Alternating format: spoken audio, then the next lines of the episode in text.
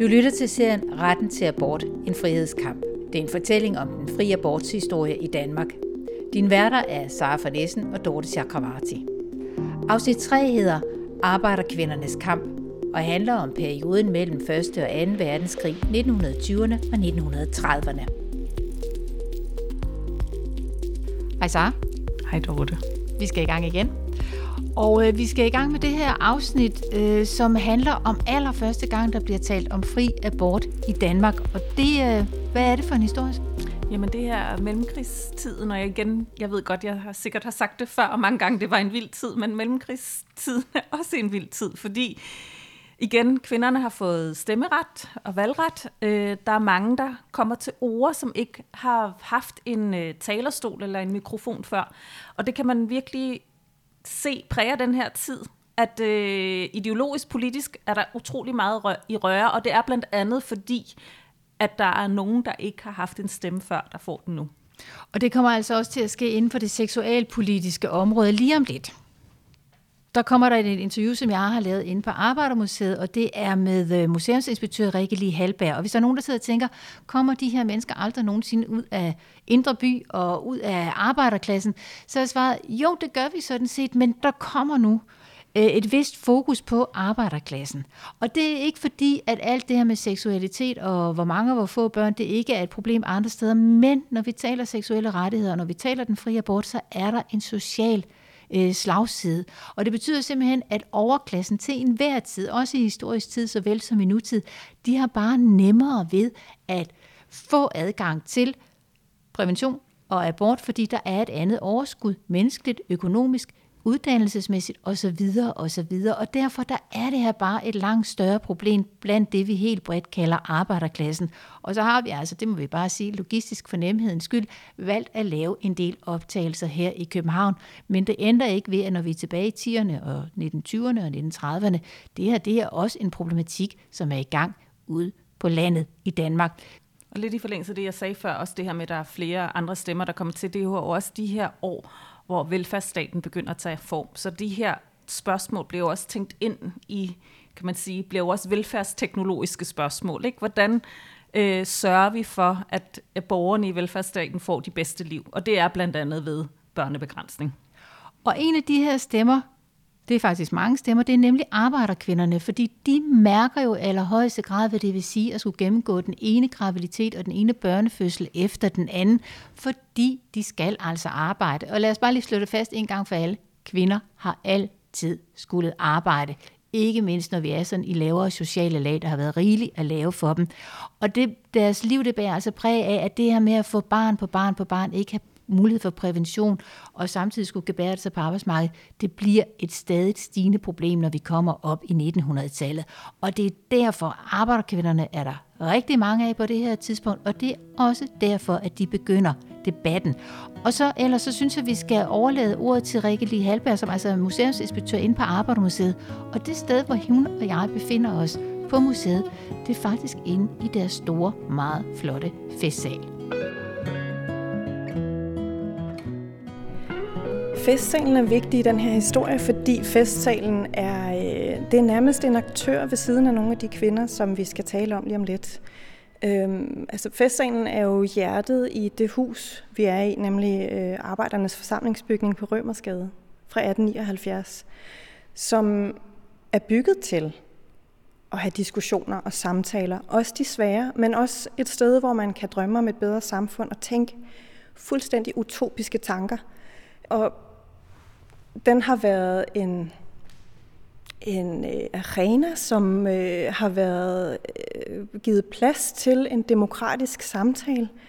Den demokratiske samtale har jo øh, brug for steder, hvor man kan samles og tale uden at blive forstyrret. Det havde arbejderne ikke, før de fik det her hus.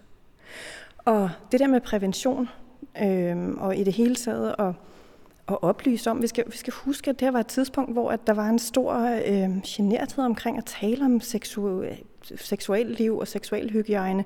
Så det var ikke på dagsordenen. Læger kunne ikke lide at tale med deres patienter om, at kondomet faktisk var opfundet, og at man godt kunne få ordineret sådan et. Øhm, så allerede i 1882 er lige præcis den her sal faktisk ramme om et, af, øh, et interessant foredrag af en, øh, en mand ved navn Wilhelm Fleron, som var socialist og studerede til apoteker. Og han holdt et foredrag, der handlede om øh, nødvendigheden af prævention i den kønslige omgang, tror jeg, han kalder det. Og det, han står og taler om, det er, at øh, han, han, har, øh, han har ligesom fået øje på sådan en natursvamp, som kvinder kan bruge som en form for pessar, og som kan måske, måske ikke forhindre graviditet. Men den opfordrer han, og han fortæller indgående om, hvordan man skal bruge den, altså virkelig instruerer i, hvordan det her det skal foregå. Og så siger han, øh, så siger han bagefter, at han til gengæld meget gerne vil advare på det kraftigste alle mænd mod at bruge det her kondom, nymodens kondom, øh, fordi det, øh, det kan simpelthen øh, svække mandens fysik. Så, så øh, man kan sige, at ansvaret for at beskytte sig mod graviditet, det bliver lagt over hos kvinden. Hun skal lære at bruge en natursvamp. Manden skal helst undgå at bruge kondom, selvom at det jo også på det her tidspunkt, altså syfilis og gonorrhea breder sig i København som en steppebrand, ikke? og kondom vil jo også øh, beskytte mod seksuelt overførte sygdomme, øh, for uden alle de her graviditeter. Men nej, det skal vi ikke bruge. Ligesom at mændene også deler hus og hjem med kvinder, og ser dem føde alle de her børn, så er der ikke en umiddelbar forståelse for, at, at man kan dele ansvaret på det præventive område. Af navngivende personer, hvor det, hvor det faktisk er kvinder, der står bag nogle diskussioner om prævention, og hvor at vi også begynder at komme ind på spørgsmålet om abort, det er faktisk noget, der sker tidligere, end man sådan lige skulle tro. Og, øhm, og det er tæt knyttet til arbejderkvinderne.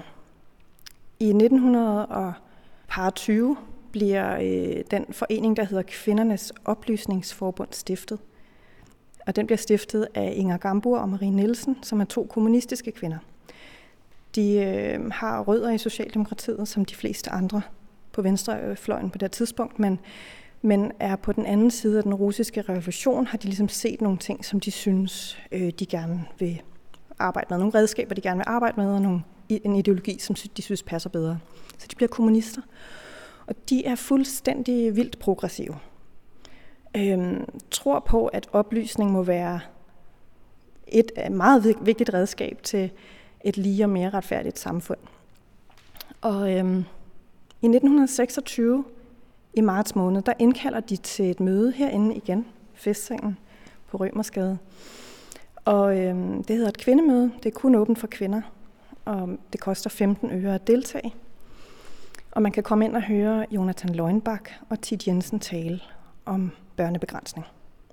Og der skal jeg lige afbryde dig og sige, at både Jonathan Løgnbak og Tid Jensen kommer Sarah Nissen og jeg til at tale meget mere om i et andet snit, men vi kan, øh, afsnit. Men vi kan bare lige sige, at han er læge, og hun er jo forfatter og debattør Tid Jensen.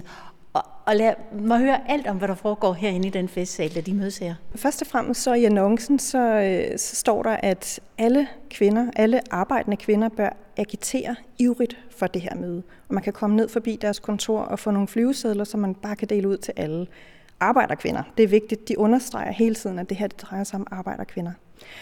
Og øh, det, det må de også have gjort, fordi øh, man kan læse senere, altså efter at arrangementet har været afholdt, der kan man læse, at der har været 800-900 kvinder herinde og høre det her foredrag. Og, øh, og nu med moderne brand, øh, nutidens brandstandard, eller hvad det hedder, der må man altså være 200 inde til et fuldt arrangement. Ikke? Vi står her, altså det er jo en stor sal og sådan noget, der er en svalegang hele vejen op for, for oven, og, og det må have været, det kan ikke have været sædepladser. Folk må have stået som sild i tønden, både hernede på gulvet. Ja, det har været helt vildt. Det er helt vildt. Og, øhm, så det siger noget om interessen, ikke? Altså at 800-900 kvinder finder vej og, øhm, og lytter til det her, og interesserer sig for det allerede i 1926, og gerne vil høre, hvad de kan gøre. Det her arrangement det er så populært, og der har åbenbart også været mange henvendelser fra mænd, fordi at jeg kan se, at i marts måned der bliver øh, arrangementet gentaget, og denne gang er det åbent for alle. Mænd er også inviteret. Og så kan jeg læse, at øh, Oplysningsforbundet synes, at Jonathan Løgnbak han holdt lidt for meget igen mm. til det første møde. Så øh, de vil give ham mere taletid til det næste møde, og, og regner så med, som de skriver, at der bliver rettet op på hans tilbageholdenhed ved det fælles møde mellem mænd og kvinder. Og jeg tolker det som, at de synes, han har talt for lidt om, måske om abortspørgsmålet, og at de opfordrer ham til at, at være mere åben og mere direkte. Og der skal det jo også bare lige sige, det er jo faktisk, altså det var hammerne ulovligt med pro- øh, provokeret abort på det her tidspunkt, så man kan godt forstå, hvis han i et offentligt forum er en lille bitte smule påpasselig, men de vil bare have mere. De vil have mere. Og det vil de jo, fordi de har en plan med det her. Ja.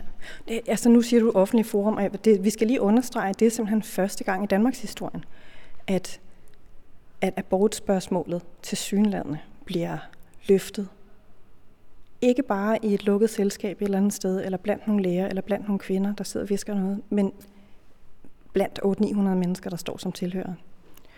Så, så det er ret historisk. Og øh, jamen, øh, de her to... Øh, de her to arrangementer her, festsalen der i 1926, de, øh, altså dem kommer der jo ikke noget ud, altså politisk, der kommer ikke nogen politiske forandringer eller sådan noget ud af det, men men det er jo fantastisk at tænke på, at der ikke har været et sprog for at diskutere ting som seksual kundskab. Altså det har været noget om blomsten og bien, hvis man har hørt noget. Ikke? Så, så der har ikke været et sprog for at diskutere abort eller præventionsmuligheder. Men at, at der så også er nogle kvinder, som har øh, som indenfra, indenfra arbejderbevægelsen, arbejderkvinder, som har sagt, at vi er nødt til at snakke om det her. Øhm, det, det synes jeg er fantastisk at tænke på.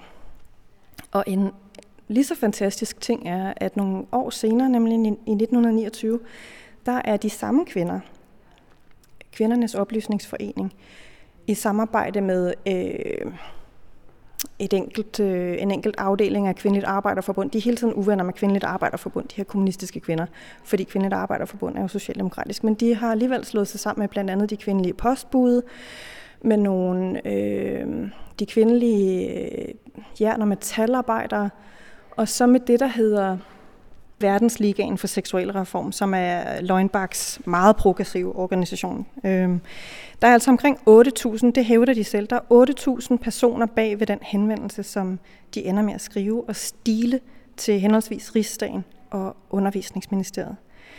Og det, de skriver til Undervisningsministeriet, det er, at øh, de har et krav om, at Undervisningsministeriet bør oprette kurser for voksne i seksualkundskab og seksuel hygiejne. Meget gerne tilknyttet øh, medicinsk, altså øh, læger og sygeplejersker, som kan hjælpe de her voksne til at forstå, hvordan de kan undgå at blive gravide eller øh, overføre seksuelt, øh, seksuelle sygdomme osv.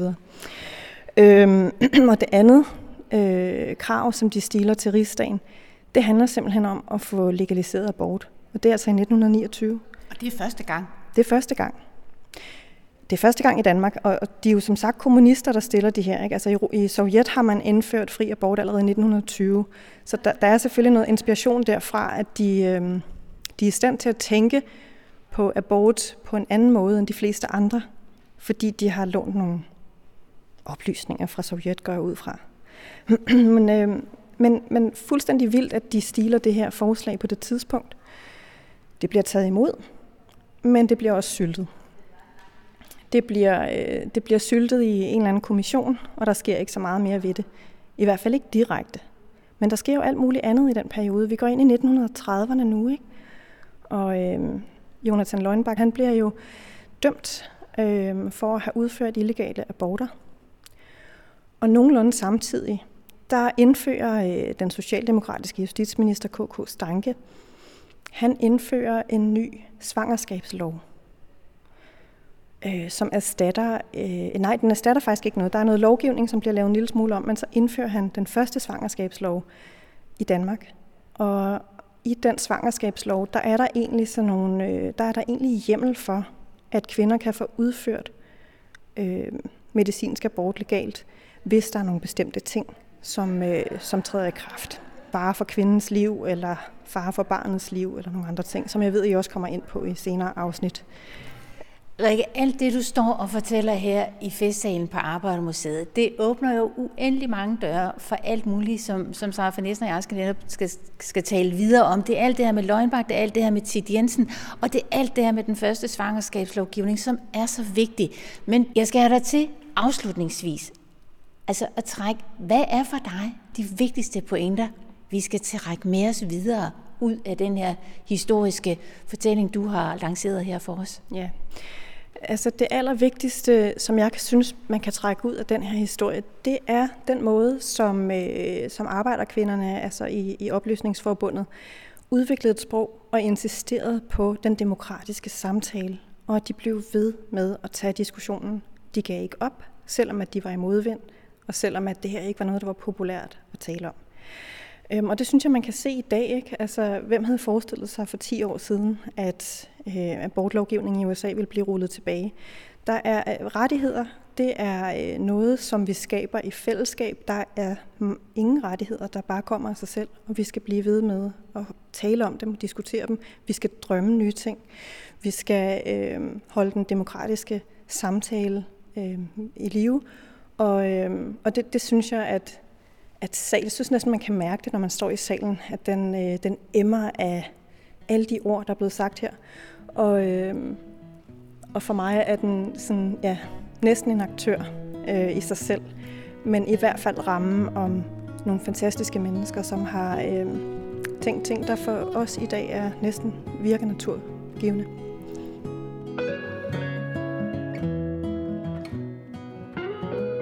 Så nu var jeg jo inde og lave de her optagelser med Rikke Lee Halberg derinde på Arbejdermuseet, og der, hun sagde faktisk rigtig mange gode ting. Det må man sige, virkelig. Ja, og, og noget af det, hun sagde på et tidspunkt, det, det er der, hvor hun taler om alt det her med prævention, at der er sådan en, en, en slags svamp, som kvinder kan bruge, og så er der det her med kondom til mænd. Og så sagde hun noget, som, altså jeg siger det, jeg tænkte sådan efter det, over det bagefter, det er det her med, at man synes ligesom, det der med kondom, det er skadeligt for mænd. Det første og eneste gang vil jeg bedyre i historien, at jeg har hørt om noget, der kan være skadeligt for mænd og deres evne som mænd og som arbejdskraft og som alt muligt andet. Historien har utallige ting, der er skadelige for kvinders forplantningsevne. Altså det er at læse, det er politisk deltagelse, det Køre er cykel. cykle også, den kommer der i slutningen af 1800-tallet. Det, det, vi har jo skrevet en bog om Danmarks første kvindelige læge, hvor vi er tilbage i 1880'erne. Det er også rasende farligt at tage en uddannelse. Der er ikke grænser for, hvad der er skadeligt for kvinder. Har du nogle eksempler på noget, der er skadeligt for mænds forplantningsevne? Nej, men jo kun op i nutiden, hvor man taler om opvaskevand og, og mobiltelefoner og så videre. Ikke? Altså, men ellers, øh, nej. Og det, jeg bed også mærke i det. Øhm, og også bare det her med igen, at det var så vildt, at det var noget, man talte om igen, fordi at, at, at det var bare ikke nemt at tale om, og ligesom blive så konkret også. Det synes jeg også bare var ret spændende. Altså, man kunne tale så konkret om prævention. Også om den her svamp, og om kondom og så videre. Ikke? Fordi igen, altså apropos det, jeg sagde indledningsvis, ikke? altså det her med, der er mange flere, der siger noget, og der bliver sagt meget mere på det her tidspunkt. Og det er også det, der er så interessant, og lidt også tilbage til den her demokratiske samtale, som foregår i den her store sag. Og det er jo det, der også er meget bevægende faktisk, og meget velfortalt, synes jeg, øh, fra museumsinspektørens side. Ikke? Det, der jo også er humlen ved hele den her periode, og det er det faktisk langt op i 1900-tallet, det er den her seksuelle uvidenhed. Altså, hvordan kommer de her børn til verden, var jeg lige ved at sige, hvordan bliver de lavet, og, og hvad er det, der sker med kroppen, og ditten og datten, der er jo ikke seksuel oplysning. Og nu kommer vi til det litterære indslag.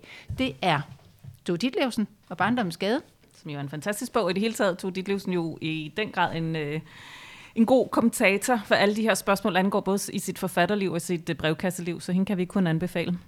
Det citat, som jeg er faldet over, der er faktisk i barndommens gade adskillige, der taler ind i alt det her med seksualitet. Men lige det her, jeg tager her, det lyder sådan her. Vi er i Istergade, København, Vesterbro. Borten i nummer 17 piver på sine hængsler, og et par glider hurtigt ind og skjuler sig i krogen. Det er Karl og viseverdens Olga. Hun trykker sig saligt ind til ham og gnider næsen mod hans hals. Hvor er du kold, visker hun. Karl rømmer sig og lader grædefærdigt uerfaren sin hånd glide ind bag hendes frakke. Den får fat i noget varmt og blødt, der stemmer ham mildt, som havde han rørt ved en fuglerede. Olga gyser, for hans hænder er kolde som is, og berøringen er langt fra behagelig. Men hun udholder det tappert. Hun er 16 år, og i hjertens keder sin uskyld. Men Karl er bare 15, og for bange til at tage den fra hende. Da hun håndfast prøver på at hjælpe ham, trækker han sig med hjertet i halsen ud af hendes arme og siger, jeg tør kraft dig med ikke, man kan jo få børn af det. Åh, oh, væser den skuffede Olga og rusker ham i håret af ærgelse. Du kan vel passe på. Men nu er der ikke andet at gøre, end at blive uvenner med hende. Tror du, jeg er tosset, var, siger han, og skal hænge sig op på en unge? Ikke hos mig. Og i det han vender sig fra hende, udstøder han beklemt og nærmest, fordi han synes samtalen bør have en passende afslutning. Du kan rende mig noget så grusomt. Og den her beskrivelse af de her unge mennesker, det er en blandt mange om den her seksuelle første erfaring i en mørk krog et eller andet sted, og man ved ikke helt, hvornår er det, man kan blive gravid, hvornår er det, man ikke kan, og og det der, der er omvendt er uskyld, ikke? Det er uskyld. Altså det ser jo også alt om, hvordan man betragter sex. Og netop det her, det er farligt, og samtidig noget, hun længes efter. Hun vil gerne miste sin uskyld, ikke? Altså det er jo alle de her følelser, som er jo så, så godt beskrevet, og så den her frygtelige følelsesmæssige konsekvens, det får, at de ikke ved noget om det, de ikke kan finde ud af at tale om det, at de bliver nødt til at blive uvenner. At det er sådan, det må ende nødvendigvis, fordi de på en eller anden måde begge to har blottet sig. Ikke?